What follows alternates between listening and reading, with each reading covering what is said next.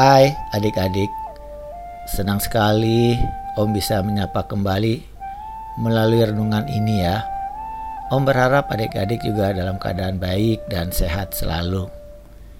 Baiklah adik-adik sebelum kita mulai kita minta penyertaan Tuhan di dalam doa. Mari kita berdoa. Tuhan Yesus kami sebentar lagi mau membaca dan merenungkan firman-Mu Tuhan tolong kami supaya kami mengerti dan memahami firman-Mu dan dapat melakukannya setiap hari.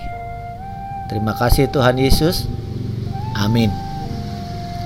Adik-adik pembacaan firman Tuhan saat ini diambil dari Yohanes 3 ayat 9 sampai dengan 17. Mari adik-adik yang sudah ada Alkitabnya, sudah siap Alkitabnya kita buka. Dari Yohanes 3 ayat 9 sampai dengan 17. Sudah? Baiklah, Om akan bacakan. Demikian firman Tuhan. Nikodemus menjawab katanya, "Bagaimanakah mungkin hal itu terjadi?" Jawab Yesus, "Engkau adalah pengajar Israel, dan engkau tidak mengerti hal-hal itu." Aku berkata kepadamu, sesungguhnya kami berkata-kata tentang apa yang kami ketahui, dan kami bersaksi tentang apa yang kami lihat, tetapi kamu tidak menerima kesaksian kami. Kamu tidak percaya waktu aku berkata-kata dengan kamu tentang hal-hal duniawi. Bagaimana kamu akan percaya kalau aku berkata-kata dengan kamu tentang hal-hal sorgawi? Tidak ada seorang pun yang telah naik ke sorga selain daripada dia yang telah turun dari sorga yaitu anak manusia.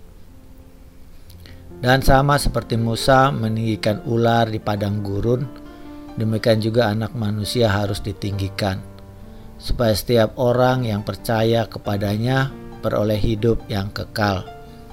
Karena begitu besar kasih Allah akan dunia ini, sehingga ia telah mengaruniakan anaknya yang tunggal supaya setiap orang yang percaya kepadanya tidak binasa melainkan peroleh hidup yang kekal. Sebab Allah mengutus anaknya ke dalam dunia bukan untuk menghakimi dunia melainkan untuk menyelamatkannya oleh dia. Kasih karunia Yohanes 3 ayat 16 karena begitu besar kasih Allah akan dunia ini, sehingga Ia telah mengaruniakan anaknya yang tunggal, supaya setiap orang yang percaya kepadanya tidak binasa, melainkan peroleh hidup yang kekal. Mentari sedang membaca Alkitab bersama Mama di ruang keluarga. Ma, kok Tuhan mau jadi manusia datang ke dunia? Kan lebih enak di sorga ya seharusnya? Tanya mentari keheranan. Tuhan Yesus datang ke dunia karena mau menebus dosa manusia. Jelas mama. Menebus dosa maksudnya mah?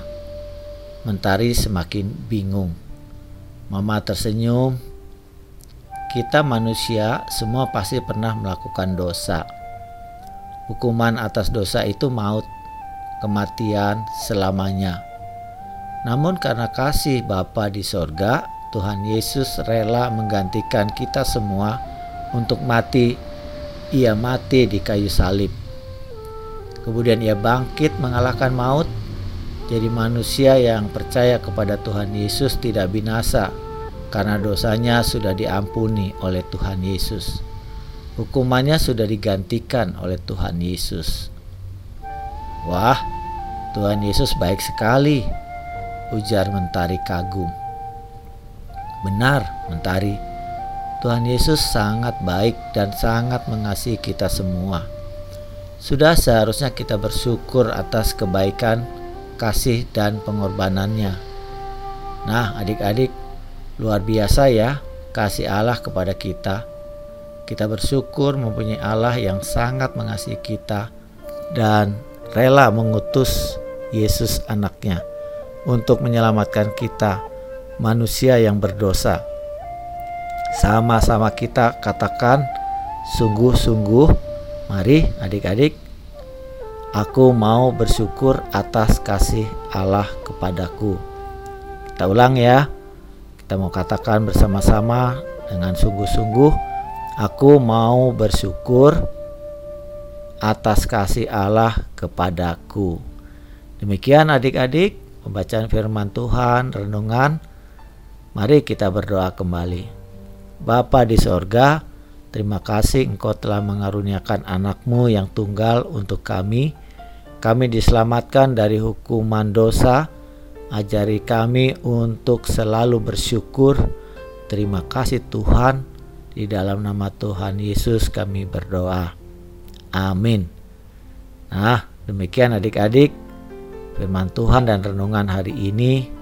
Kiranya kita selalu mengingatnya, melakukannya setiap hari.